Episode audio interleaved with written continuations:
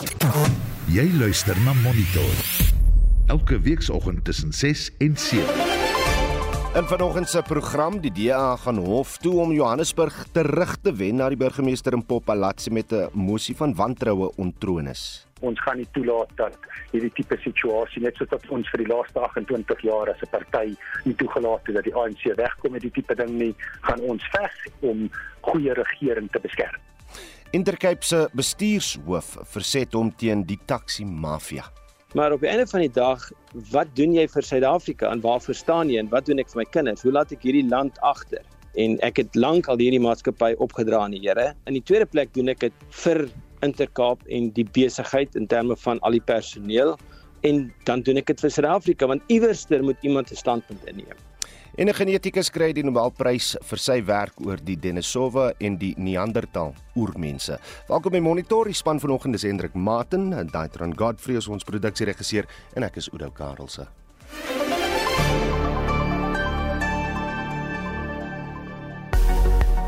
Goeiemôre, ek is Annelien Moses met jou reisigersweer soos uitgereik deur die Suid-Afrikaanse Weerdiens. Ons begin met 'n waarskuwing. Toestande bevorderlik vir die ontstaan van weggolfveldbrande word verwag oor die noordoostelike dele van die Noord-Kaap, op plekke in die Vrystaat, Noordwes, Gauteng, Limpopo en die Westelike Hoëveld van Mpumalanga.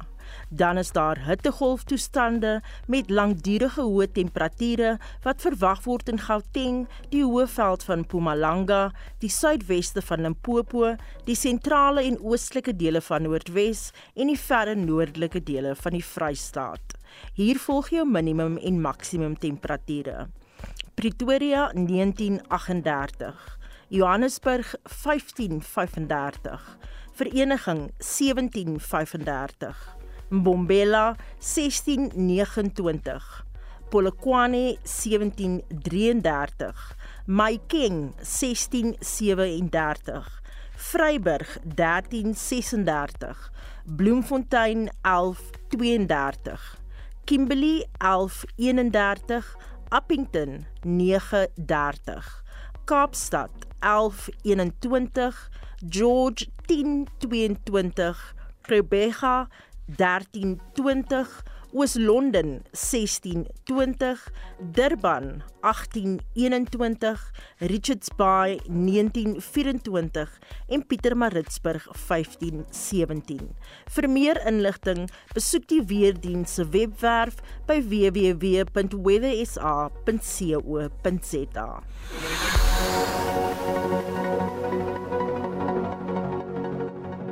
Daar is geen verkeer. In Gauteng in Johannesburg was daar 'n botsing op die R24 Wes net na Barbara weg. Die linkerbaan is versper. Op die N3 Suid by Londenweg staan daar 'n voertuig in die linkerbaan. Indien jy enige ander verkeersnuus het, stuur vir ons 'n SMS na 45889 teen R1.50 en begin die boodskap met die woord verkeer. Ek is Bianca Olifant met die verkeersnuus vanoggend.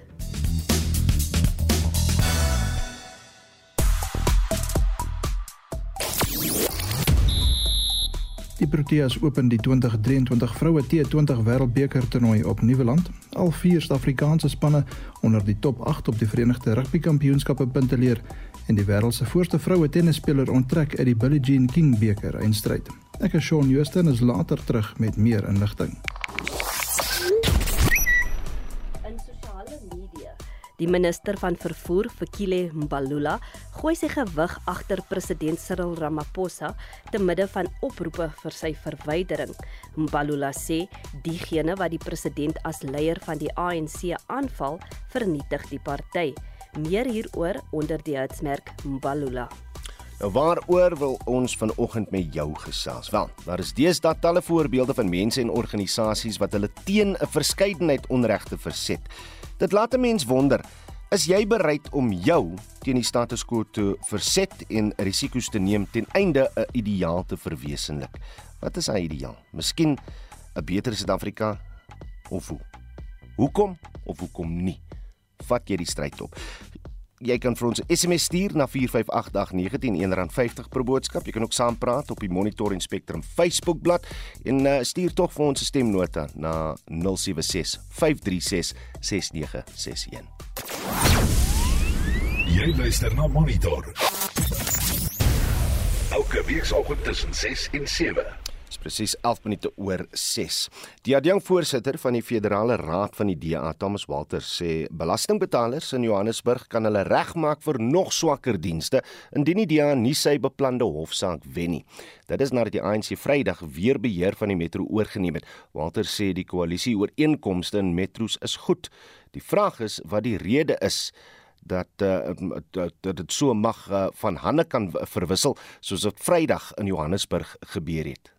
Wel ek dink dis op die einde van die dag is dit 'n funksie van hoe die verkiesingsresultaat uitgekom het. Die groter partye is afhanklik van klein partytjies om 'n meerderheid in die raad gestand te hou en ongelukkig hoe kleiner die partye is, hoe meer weerloos is hulle vir aanbode om mantel te dra. So in die geval van Koup, daar's is dood eenvoudig 'n raadslid van hulle wat op haar eie besluit het sy gaan saamwerk met die ANC. Ek wil nou nie spekuleer wat die individuele motiewe daarso was nie, maar ons vermoed daar's 'n pos is natuurlik vir haar aangebied. Sy is uiteraard toe as speaker self verkies, nadat sy haar stem verander het. So ek dink sy 'n aanbod aanvaar buite die ooreenkoms en natuurlik gegee die interne probleme wat Cope mee sit.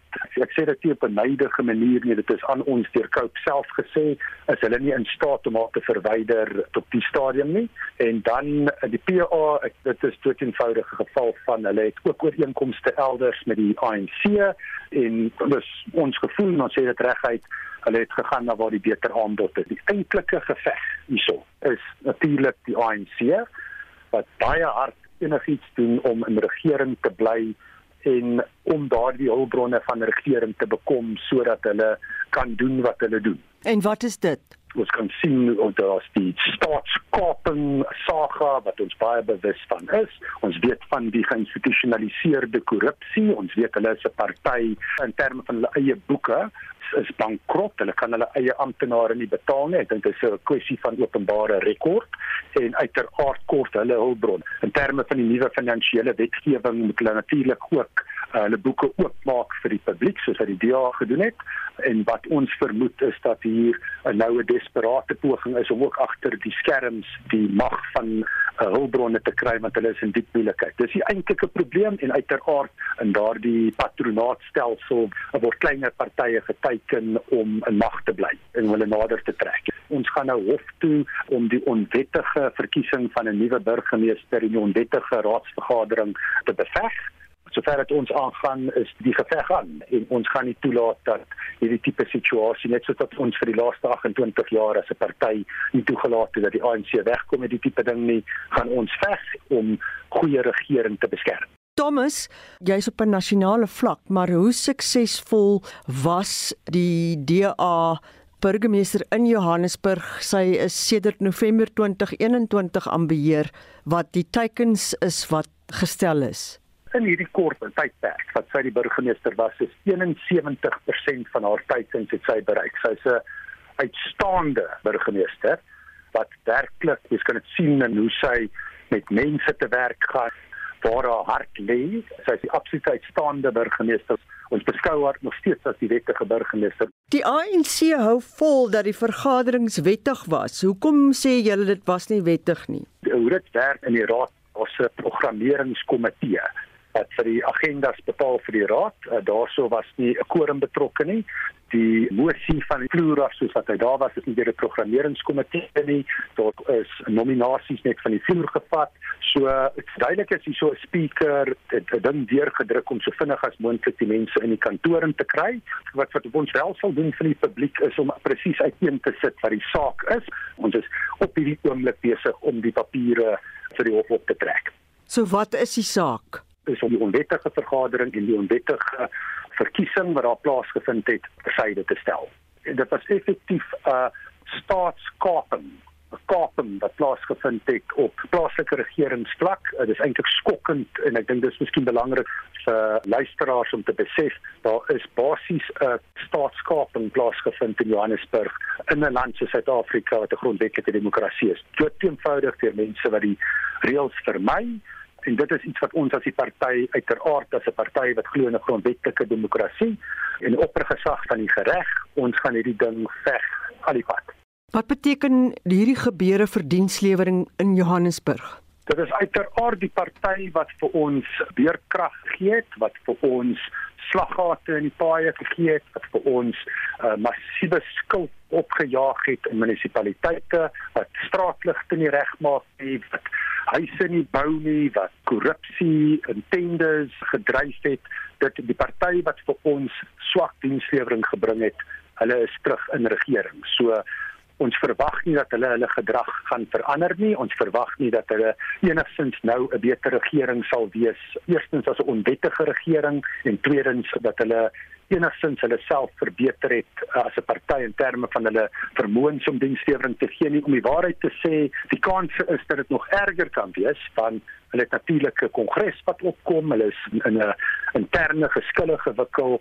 So hierdie geveg gaan nie net oor die DA en die DA se burgemeester of 'n veelparty koalisie regering se burgemeester nie. Dit gaan werklik hierso oor die fondasies van ons grondwetlike demokrasie en hoe daardie grondwet moet werk vir mense op die grond. En dit was die adjunkvoorsitter van die Federale Raad van die DA Thomas Walters in gesprek met Mitsi van der Merwe. Die vakbond Solidariteit sê daar is druk op die bestuurshoof van Eskom, Andre de Ruyter, om te bedank nie weens beerdkrag nie, maar omdat hy korrupsie binne die kragvoorsiener wil beveg. Die bestuurshoof van Solidariteit, Dr Dirk Herman, sê in 'n plasing op Facebook dat de Ruyter nie net Eskom bestuur nie, maar ook 'n anti-misdaad, sabotasie en korrupsie operasie. Herman het dit geskryf na die onthulling dat 'n meeluisterapparaat in die ryter se motor gevind is. Ons praat nou met die adjunk bestuurshoof vir arbeidsverhoudinge en beroepsnetwerke by die vakbond Solidariteit Dion Reynike. Dion, goeiemôre. Goeiemôre.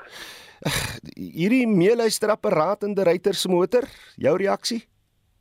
Dit is skokkend. Ehm um, jy weet dit wys net hoe ver is hierdie misdadigers binne in Eskom om uh, so laag te gaan en en sulke apparate in 'n in 'n hoofse voertuig te sit. Dit is regtig skokkend. Sê my, is daar enige tekens of aanduidings dat daar wel sabotasie by Eskom is? Wat is die sterkste aanduidings waaraan jy kan dink? Wel, dit is verseker so. Jy weet ons ons sit met 'n netwerk van ehm um, jy weet die aard van hierdie kriminele kom van eksterne, dit kom van interne jy weet ons sit met ehm um, gevalle waar uh, radkaste se uh, die die die side glass wat hulle dit noem in Engels stukkend geslaan word sodat die olie stadig maar seker uit hierdie radkas kan uitloop en so dan sodoende beskadiging kry en dan ook wat lei dan nou tot tot uh, load shedding. Hmm. Nou die tipe goederes is natuurlik ook uh jy weet nou kan hulle aankope doen deur hulle BE vriende en ons betaal 3 4 keer die prys om 'n nuwe radkas te aan te sit het ons ook gevalle waar ehm um, ehm um, verkoelingswater op op sisteme hmm. toegedraai word sodat 'n 'n 'n bearing of wat ook al kan warm word ehm um, en so skare berokken. Die weet Ja. Ja, jammer om jou in die rede te val. Ek wil net bietjie luister na die sakeman Rob Hersof van hy het in 'n onlangse onderhoud met die SAIK na sabotasie by Eskom verwys. Kom ons luister gou net na na die insig. Sal kry ek jou jou 'n terugvoer hieroor. Andre de Ruyter is a terrific businessman and doing a very good job. He can fix, he can reduce debt, he can fix the balance sheet, he can try and put decent processes in place. But the mafia runs ESCOM. There's a diesel mafia, a cable mafia.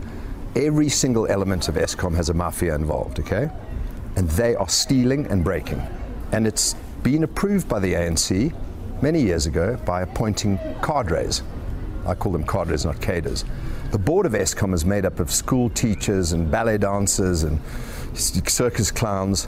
And all of a sudden, Pravin Gordon wakes up and says, We've got to put engineers on the board. I mean, how? It's taken 10 years to work that out, Pravin. How useless is he? So I know you didn't want me to snap at the ANC, but I've had enough of them. They are absolutely useless. To fix ESCOM, you've got to have someone like Andre de Ruyter continue. You've got to replace the board immediately and put in people that understand energy, and you've got to bring in someone who can deal with the mafia. And a man put his hand up a week or so ago, Gayton McKenzie, said, Make me head of ESCOM. I'll deal with the mafia. You need a guy like that can go in and clear out the mafia. Dit is uh, Rob Hersof, sakeman van Suid-Afrika. Hy maak sekere gevolgtrekkings uh, hier Dion, maar maar is dinge so erg soos wat hy sê, daar's 'n mafia wat bestaande is binne Eskom. Hy's hy's 110% korrek. Hy's 110% korrek. Daar is ex uh, Eskom senior, baie baie senior werknemers wat deel is van hierdie maffia. Wat wat wat ryter wil weg hê, nie om nie om Eskom reg te kry nie, maar om om 'n ryter uit die weg te kry sodat hulle kan verder korrupsie pleeg. Ryter staan absoluut op die suurstofpyp van van korrupsie en hulle kan dit nie hanteer nie. En dit is hoekom hulle so druk. Dit gaan nie oor die ryter wat wat uh, volgens hulle inkompetent is nie of Jan Oberholzer wat inkompetent is. Dit gaan absoluut oor 'n ryter wat besig is om die regte ding te doen, in die regte rigting in te gaan, soos wat hy gesê die balance sheet reg te kry, korrupsie te dryf. En dis hoekom hulle van hom ontslaaw word. Dis hoekom hulle afluisterapparate in sy voertuig sit. Dis hoekom hulle se hulle lewe gedreig word. Ehm um, is om om om hierdie korrupte aktiwiteite voort te laat leef. Dion, ek kon nou dat Andre de Ruyter al aan die begin van die jaar gesê het ons kyk nou daadwerklik na sabotasie, daar moet ondersoek uh, gedoen word. Hoekom het ons tot dusver nou nog nie enige vervolgings gesien nie?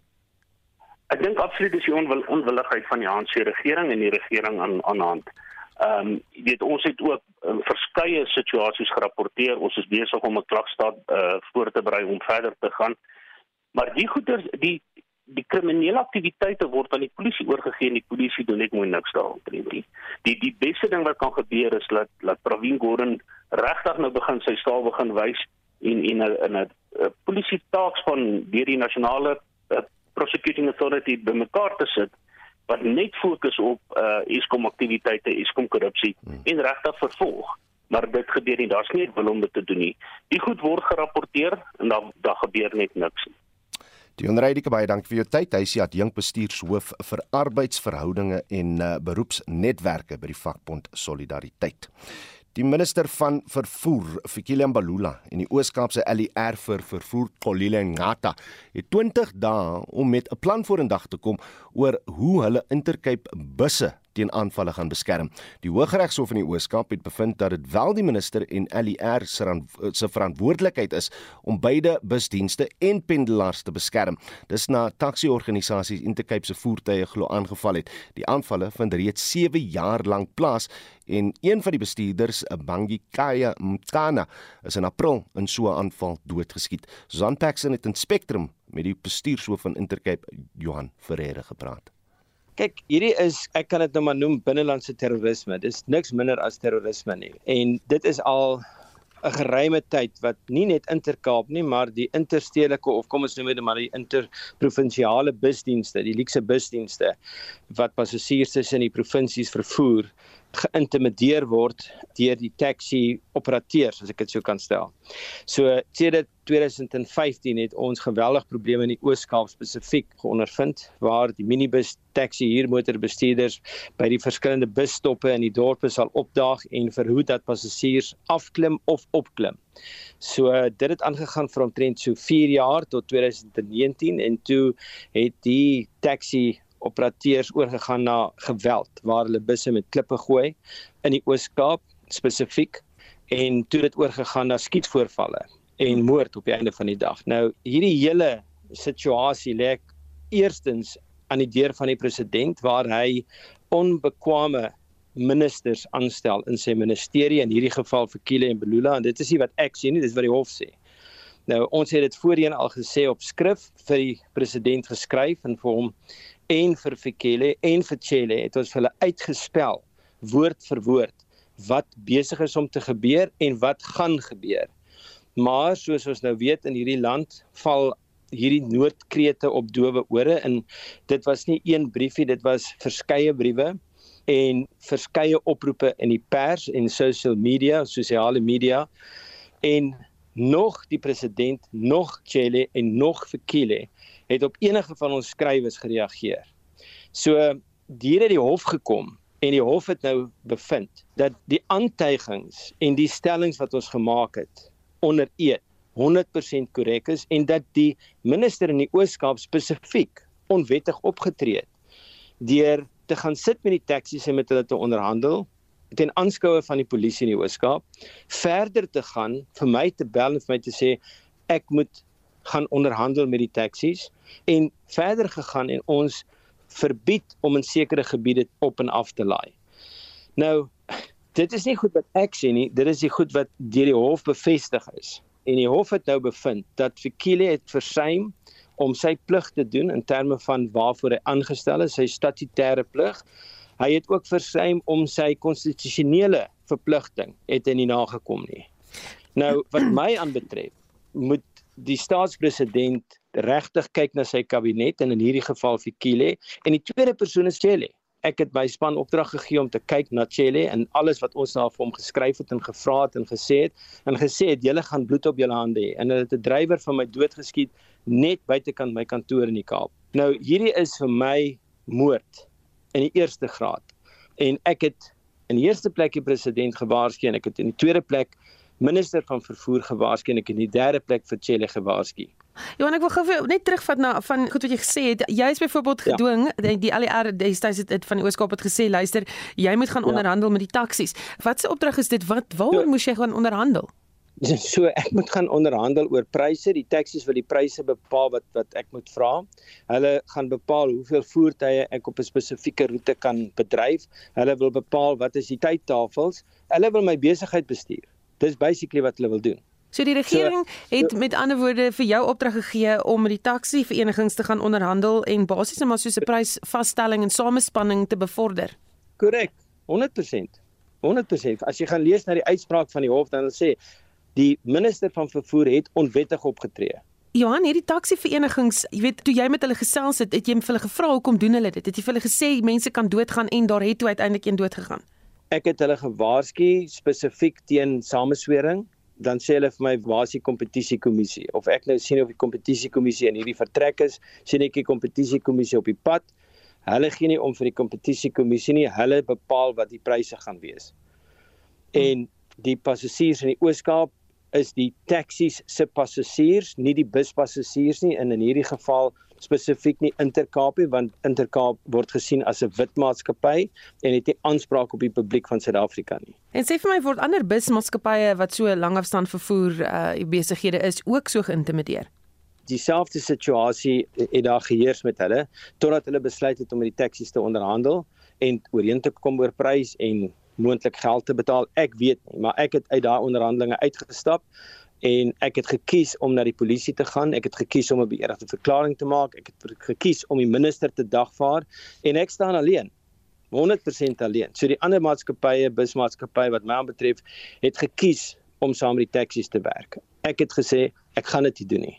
En dis hoekom Intercape uitgewys word as die probleemkind in Suid-Afrika. Sê vir my, maar, jy het besluit om die korrupsie teen te staan. Is daar 'n koste vir jou persoonlik van die groepe huiwer nie om gewelddadig te raak nie? Ja, die aard van die saak is my lewe in gevaar. Dit is dit dit is dit is van selfsprekend. Maar op die einde van die dag, jy weet, wat doen jy vir Suid-Afrika en waar verstaan jy en wat doen ek vir my kinders? Hoe laat ek hierdie land agter? So in die eerste plek doen ek dit vir die Here want Intercape is 'n Christelike maatskappy en ek het lank al hierdie maatskappy opgedra aan die Here en hy is in beheer. So in die tweede plek doen ek dit vir Intercape en die besigheid in terme van al die personeel en dan doen ek dit vir Suid-Afrika want iewerster moet iemand 'n standpunt inneem. En ek het dit eenvoudige standpunt ingeneem en gesê dit's nou klaar. Dis nou sover as wat dit gaan. Dit gaan nou nie verder nie. En ek sal na agter elke minister aangaan tot by die staatspresident wat nie hulle werk doen nie. En dit was die bestuurshoof van Intercape Johan Ferreira in gesprek daar met Susan Paxton.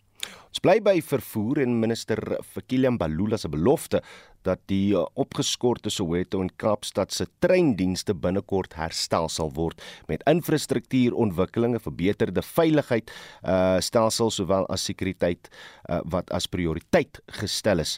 Die uh, dienste is 2 jaar gelede gestaak weens die uitgebreide vandalisme van spoorinfrastruktuur. Die situasie is deur die uitbreek van COVID-19 vererger. Die regering het meer as 1,6 miljard rand op sy gesit om die uh, ineengestorte spoorinfrastruktuur infrastruktuur te laat herleef. Die opskorting van treindienste het meer as 200 000 pendelaars geraak wat op spoorvervoer reg oor Gauteng en in die Kaapstad maak. Met die bekendstelling van die departement se vervoermaand in Pretoria het Mbalula gesê werk word versnel om spoordienste reg oor die land te herstel. Our work of recovering rail services is ongoing in all the rail corridors in the country. This includes lines such as the Naledi to Johannesburg. Work is being accelerated also to achieve the limited electrified train service in the area.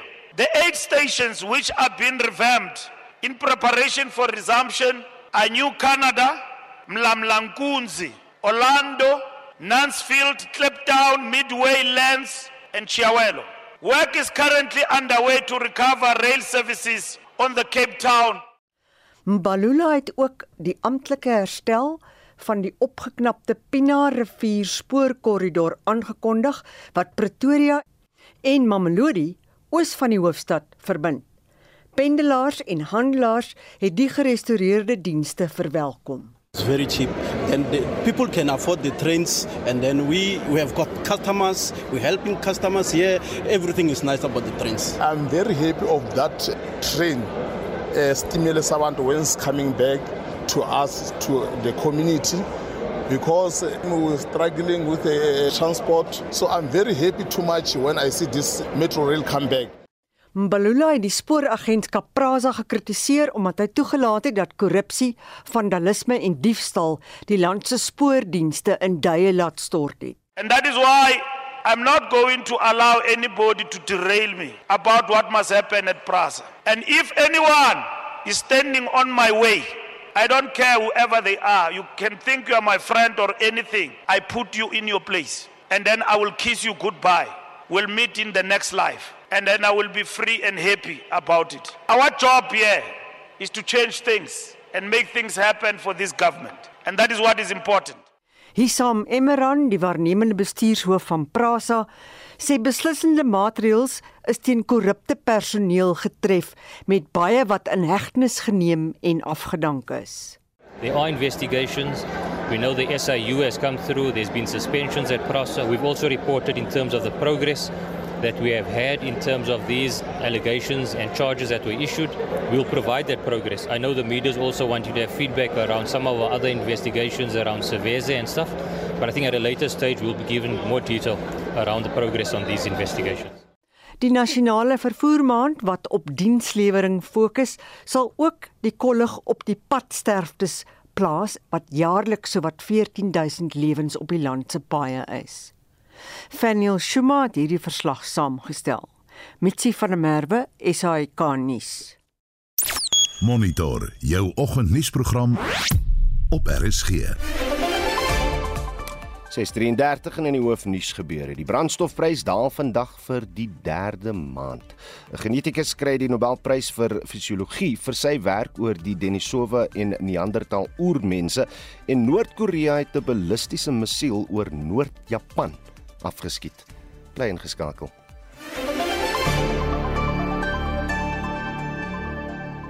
Daar is geen verkeer. In Gauteng op die N3 was daar 'n botsing naby die Rydswisselaar. Verwag vertragings. Indien jy enige ander verkeersnuus het, stuur vir ons 'n SMS by na 45889 teen R1.50 en begin die boodskap met die woord verkeer.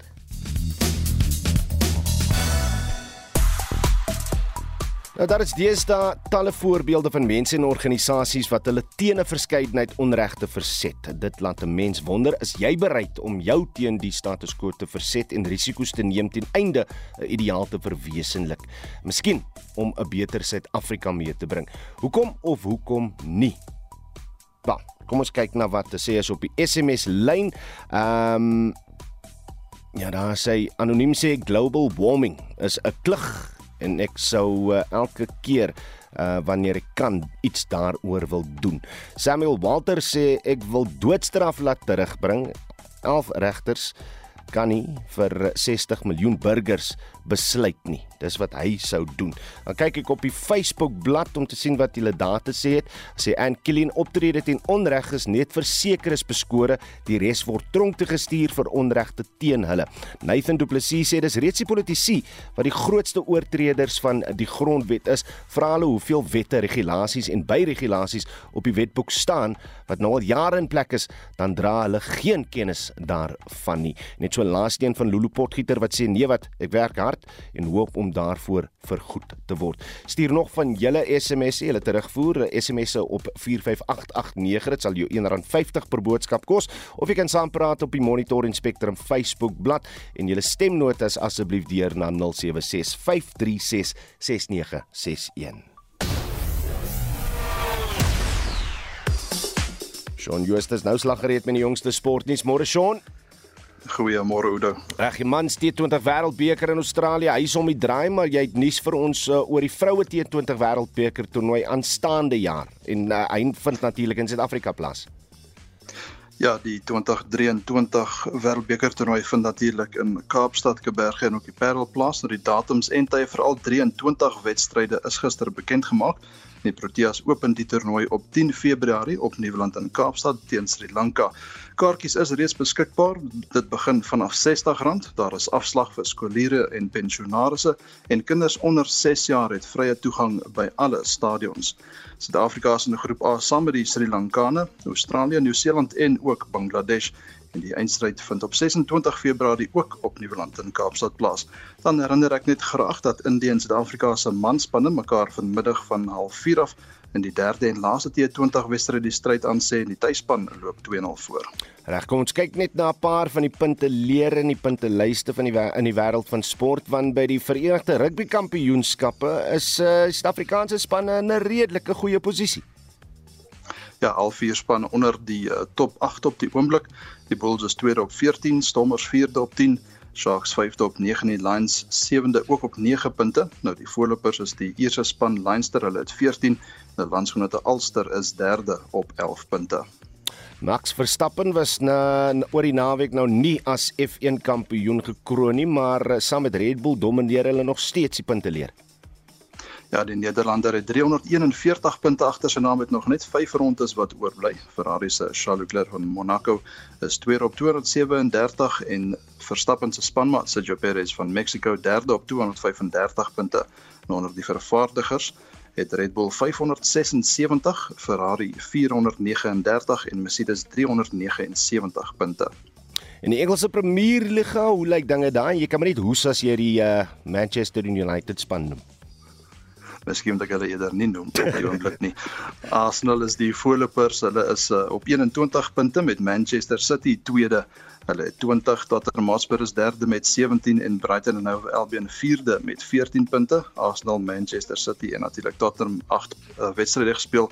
Brighton and Hove Albion nog net 7. En uh, ja, Manchester United, hulle is in die 6ste plek in die oomblik. Daar sê ek, jy sê jy moet hoes. Luister, die wêreld se voorste vroue tennisspeler het uit die Billie Jean King beker eindstryd in November onttrek. Hoekom? Ja, Iga Swiatek het gister aangekondig dat sy pole nie gaan verteenwoordig nie. Nou dit is weens 'n oorvol skedule, maar ook die ITF en WTA se swak beplanning.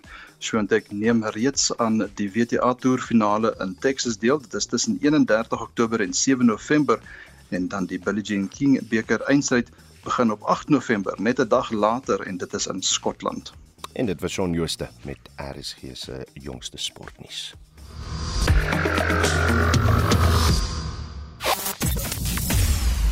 Monitor jou oggendnuusprogram op RSG.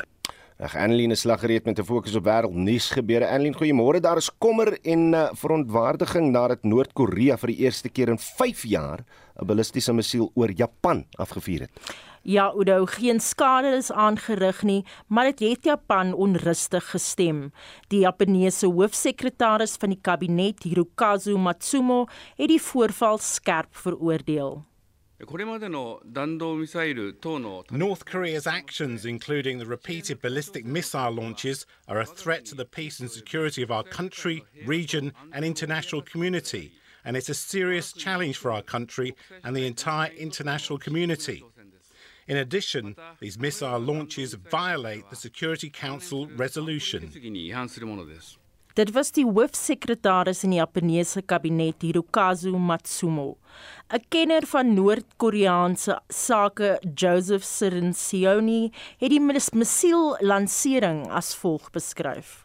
This is the first time they've tested uh, an overflight a missile that went over Japan since um, 2017. So it's significant. It's it's a diplomatic affront to Japan. It is a sign that uh, North Korea is is taking off some of its gloves. They've been doing tests that either go around Japan or go up and down, and so they're clearly saying we don't care anymore. Uh, we're, we're, we're, we're making a statement here with this test. Dit was 'n kenner oor Noord-Koreaanse aangeleenthede, Joseph Sirinsioni. En dan sien ek polisiebeamptes waaronder die polisiehoof ondersoek word na daai stormloop by 'n stadion in Indonesië. Ja, in die stormloop is 125 mense dood nadat die polisie traanrook gebruik het om 'n oproerige skare uiteen te dryf. Hier is Lore Bieke van die BBC. Small groups of fans ran onto the pitch after the final whistle on Saturday. Police fired tear gas. They said it was used to avoid anarchy. Those in the stands rushed to leave, but in the chaos, the result was a deadly crush.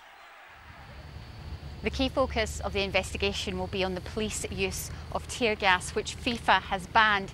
Analysts say it's banned for a reason because tear gas is used to disperse crowds. But fans tell us that some of the gates were locked. So, where were they going to disperse the crowds to? Dit was Lore Bikker van die BBC. En dan moet ek ook sê ek is eintlik bietjie bly dat die realiteitsterk Kim Kardashian met meer as 'n miljoen dollar beboet is want hierdie mense wat hierdie goed doen moet nou eenvoudig net eh, kan julle net stop asseblief. ja, dit kom nadat sy kriptogeld eenhede op Instagram bemark het sonder om bekend te maak dat sy daarvoor betaal is. Stephanie Prentice van die BBC berig. A US financial government agency has cracked down on her because of a paid post which she didn't declare as to be an advert. And it was for a cryptocurrency called Ethereum Max. It was posted, and the wording she used actually was This is not financial advice, but just sharing what my friends tell me about the Ethereum Max token. Now, while social media is still slightly seen as the Wild West in terms of people declaring what's paid for, what's real, what's free, you know, what's been given to an influencer, the rules do state that adverts should be clearly signposted. In this case, it absolutely wasn't. Dit was Stephanie Prentice van die BBC. En dit was Annelien Moses met internasionale nuusgebeure. Ons bly in die buiteland want die uh, Nobelkomitee het die prys vir fisiologie of geneeskunde aan die Sweedse wetenskaplikes van Tepabo toegeken vir sy navorsing oor die genoom vir uh, die uitgestorwe Neandertals. Verskeie Nobelpryse word hierdie week toegeken. Vir meer hieroor praat ons nou met die senior kurator van versamelings by Wits Universiteit Dr Bernard Sipfel. Uh Bernard, goeiemôre. Baie goeiemôre, hoe gaan dit? Baie goed, baie goed. En uh vir my is dit eintlik baie interessant dat die prys vir fisiologie of geneeskunde is. Uh is dit nie buitengewoon nie aangesien uh, uh dit nou nie enstof of of ander medikasie is waarin ons uh, uh genomineerde uh, man uh, Pabo 'n toekenning gekry het nie. Hoekom is die prys aan hom toegekend? Ja, dit dit is eintlik baie ongewoon en ek moet eerlik wees, ons almal in hierdie veld is is nogal verbaas en Swante Pabu was self. Hy het, hy het eers gedog as 'n grap. So dit is ongewoon en natuurlik ons is almal bly daaroor en dit is wel omdat hierdie 'n uh, baie groot uh um implikasies het op fisiologie en medisyne. Uh die rede is dat om hierdie volgorde van die DNA van die Neanderthals en die Denisovans te kan uitwerk uh het implikasies vir goed soos ons immuunstelsel dit laat ons verstaan hoe ons op 'n hoë hoogte kan woon soos die mense in Tibet uh, hmm. byvoorbeeld en selfs vir iets soos COVID. Uh ons is nog nie heeltemal seker daaroor nie, maar hy is nou besig om daaraan te werk dat ons iets soos COVID beter kan verstaan deur deur hierdie hierdie uitgestorwe DNA te bestudeer. Ah, sê nou, wat wat sê die jongste navorsing oor hoekom die Neandertal uitgesterf het en ons oerouers Homo sapiens oorleef het? Ehm um, ek moet eerlik wees, ek dink nie ons weet eintlik nie. Ek meen daar is 'n paar hipotese. Die een is dat die mens eintlik uh, moderne mense vir, uh, vir verantwoordelik was daarvoor en en ek dink dit is nog 'n sterk moontlikheid. Ehm um, en dan natuurlik het Europa se se se ehm um, omgewingsomstandighede baie verander. Maar uh, ek dink ons is nog onseker daaroor. Paleontologie is 'n veld waarin Suid-Afrika nogal 'n belangrike rolspeler is, uh, Bernard. Is dit omdat Suid-Afrika so belangrik is vir die wêreld as dit kom by wat hier ontdek is en nog steeds ontdek word?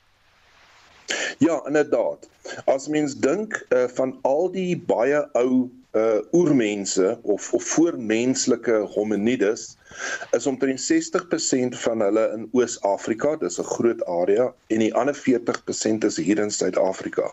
So ons ons het 'n 'n substansiële hoeveelheid van hierdie fossiele wat baie baie baie skaars is, is hier in Suid-Afrika.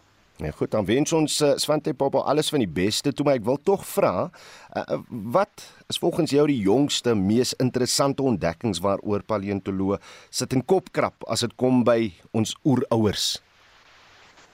O, jene. natuurlik hierdie storie van van 'n uh, uh, Pabu se ontdekking is natuurlik baie belangrik. Hier in Suid-Afrika is ons natuurlik uh, nie heeltemal objektief nie. Uh, dan is iets soos ons Homo naledi wat 'n paar jaar gelede ontdek is. 'n uh, 'n uh, 'n groot kopkrap want uh, uh, ons het net hierdie hominides in die grot gevind, geen ander diere nie en dit is baie baie ongewoon on, ongewoon. Dit is net die tweede keer dat ons dit sien. En dit laat ons wonder of hulle wel hulle eie uh, spesies begrawe het. Hmm. En as dit wel waar is, dan uh, het dit groot implikasies oor ons verstandhouding van die ontwikkeling van kultuur selfs in 'n voormenslike hominide. In ander woorde 'n uh, 'n uh, hominide wat nog nie 'n mens is nie, wat wel kulturele praktyke gehad het. Dit het groot implikasies oor ons verstandhouding van ons oorsprong. Dr Bernard Sippel, baie dankie vir jou tyd. Hy is die senior kurator van versamelings by Wits Universiteit. Die Emmy-benoemde Suid-Afrikaanse akteur Tusom Bedu sê Viola Davis het haar deur die draaiboek en hoofrol van die rolprent The Woman King gelei. Bedu speel saam met die Oscar-wenner Davis in die internasionale rolprent The Woman King is 'n verhaal van die Agoge 'n eenheid van vroue krygers wat die Afrika koninkryk van Dahomey in die 1800s beskerm het. Vincent Mofokeng het meer besonderhede.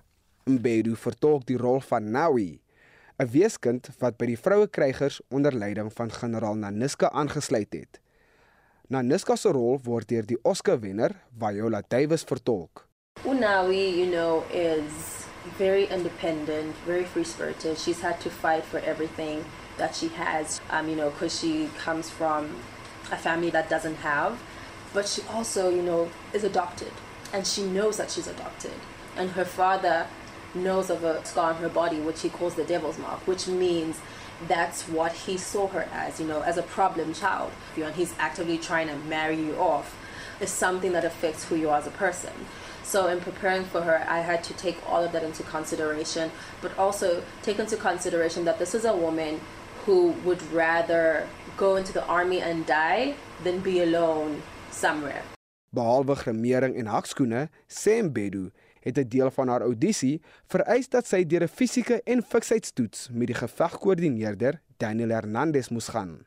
And so having been approved and gotten the role, I put myself in Muay Thai classes and then when started pre-production training, I had martial arts using different weapons, I had running training like sprinting, and then we had strength training with Gabrielle McLean, which was also very hard. But you know, there was great value in it. And I have to say that I fell in love with training, I fell in love with the discipline and the commitment that I kept going even after we wrapped. Die rolprent beeld 'n tydperk in Dahomey se geskiedenis uit toe die koning 'n geleentheid gehad het om na diegene te luister wat die slawehandel teestaan en 'n alternatiewe pad na welvaart verken het. Die Britse akteur en vervaardiger John Boyega is koning Gezo in die rolprent. The king that empowers the women into the king's guard. He's the guy that has risen to the throne um, through some controversial means, and he has to make a decision as to what his people are going to do. Do they keep on selling slaves, or do they go into other endeavors? And he's conflicted in a complicated role. Chioma Omila is as Terra, ook een van die vroue krygers. With the training involved, it was a very intense and challenging training program. I always say it made us feel like we we're part of an army. It's a survival mode. It's uh, this person is trying to protect their own. Terwyl Fumbe aan die ander kant, gespeel deur Masali Baduza, een van die brose soldate is, word sy altyd deur Nawi beskerm. Not a soldier, you know, not at all. She was uh, kidnapped and rescued by the Dahomey women, and she basically learns to become a soldier, learns how to become a fighter and a goji. And she represents, I think, a lot of humility in the soldiers and a lot of their emotional capacity. And I think she also showcases that in this world, you needed to kill or be killed, and that's a shift that one has to make in their mind as people. And I think that you know you get to see that with my character. Die talentvolle Suid-Afrikaanse akteur, Siv Ngesi, speel 'n leier van die mans weermag. I play the McGann, which I work right next to the Woman Army, which Viola Davis is the lead of. And it's just he's just a guy who's just wants to protect the king, protect the village, and eventually has a discussion with himself Does he join the woman army in fighting or do they fight separately? Die rolprent is tans in fliekteaters te sien. Die verslag is saamgestel deur Pearl Magubane. Ek is Vincent Mufokeng vir SAI kan nuus.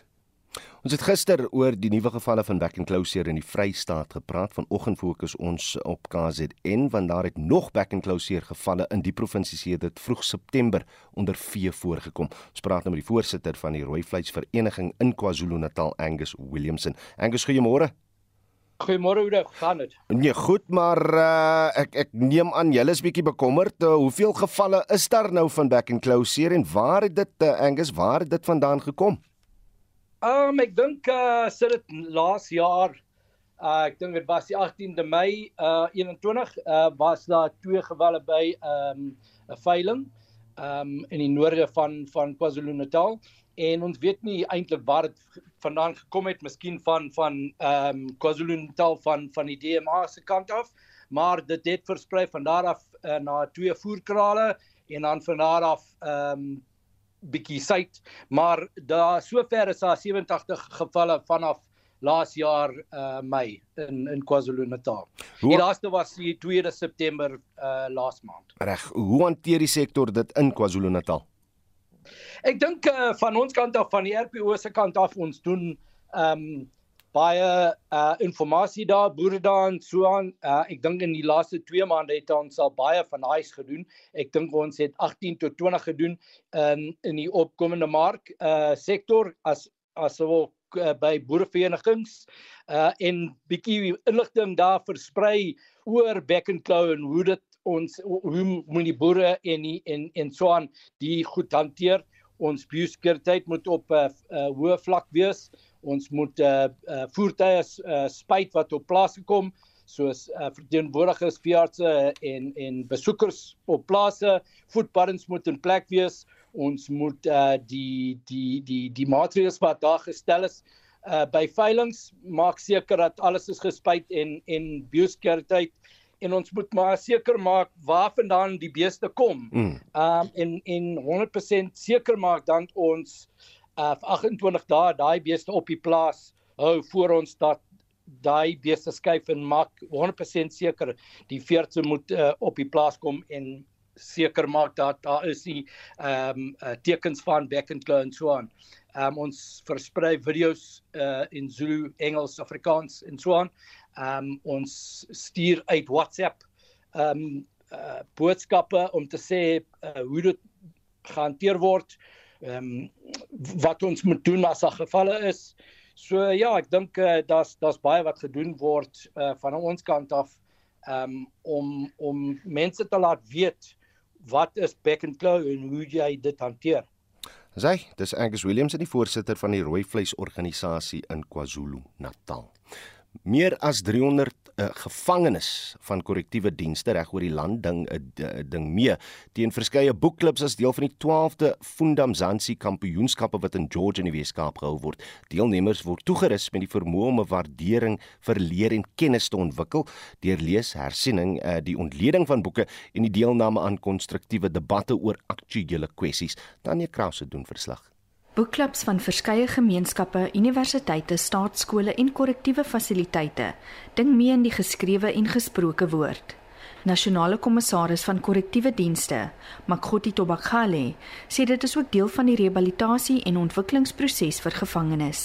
We are charged with the responsibility of incarcerating and ensuring that the offenders serve their sentence, but at the same time we're charged with the responsibility to change their minds you know, to work on their souls, to work on their thinking so that they can move away from the thoughts of crime to the thoughts of development and participating meaningfully in growing their communities. Die Nasionale Biblioteek van Suid-Afrika se uitvoerende direkteur van kernprogramme, Nokutula Musa, sê die Funda Mzansi program wil ook 'n liefde vir lees in meer volwassenes kweek. We saw this program as an opportunity to promote the culture of reading above the age of 16 and it's also to promote our indigenous languages and to support the book value chain in South Africa, you know, to promote the book buying culture and the engagement about books and discussion about books.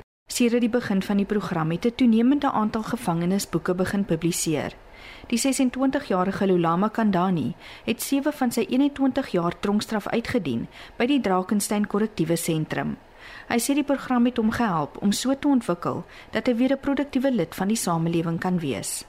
Because I believe that the books it gives us information not only to know about things but it helps us to be transformed mentally knowing that having been in prison now I'm serving 20 years so I understand that time is the only asset that I have.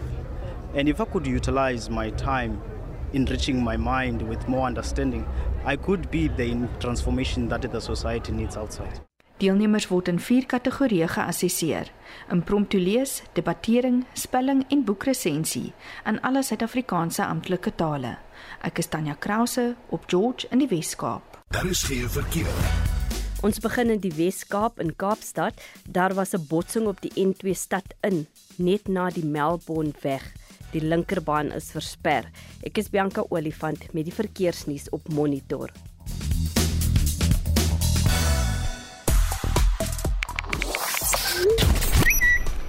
Daar is deesdae talle voorbeelde van mense en organisasies wat hulle teen 'n verskeidenheid onregte verset. Dit laat mense wonder, is jy bereid om jou teen die status quo te verset en risiko's te neem teen einde 'n ideaal te verwesenlik? En ons wil ook vanoggend weet of uh, dit is die lewe wat jy lei.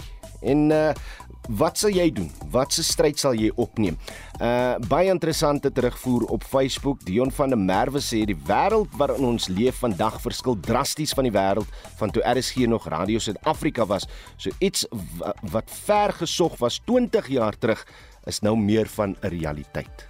Laat weet wat jy dink, stuur jou SMS na 4588910 R50 per boodskap. Jy kan ook saam praat op die Monitor en Spectrum Facebook bladsy en stuur tog vir ons 'n stemnota na 0765366961. Dan kan jy jou stem hoor op Spectrum en Brandpunt later vandag. Ons groet namens ons uitvoerende regisseur Nicoline de Wee, ons redakteur vanoggend is Hendrik Maten, ons produksieregisseur is Daitron Godfrey en ek is Udo Karel. Se geniet die dag in die geselskap van RSG op en wakker is volgende. Totsiens.